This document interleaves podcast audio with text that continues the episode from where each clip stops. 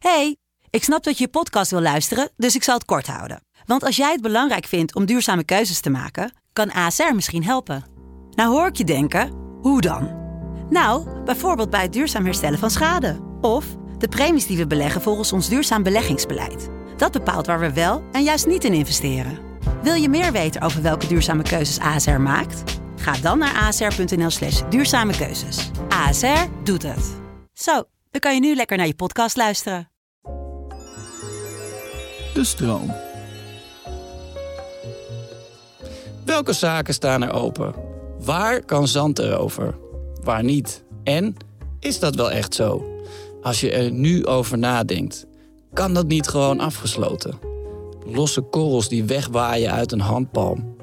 Terwijl de onmetelijk intense zon in de verte warm toeknikt. Wat heb je nog nodig? Een warm woord. Jij kan het spreken. Een handdruk, een omhelzing. Jij kan die geven. Misschien wordt het nooit meer zoals het was. Maar dat is niet erg. Want niks is precies zoals het was op het moment dat het is. Je luisterde naar professionele tips voor een comfortabel leven. Ik hoop dat je wat aan deze tip hebt gehad.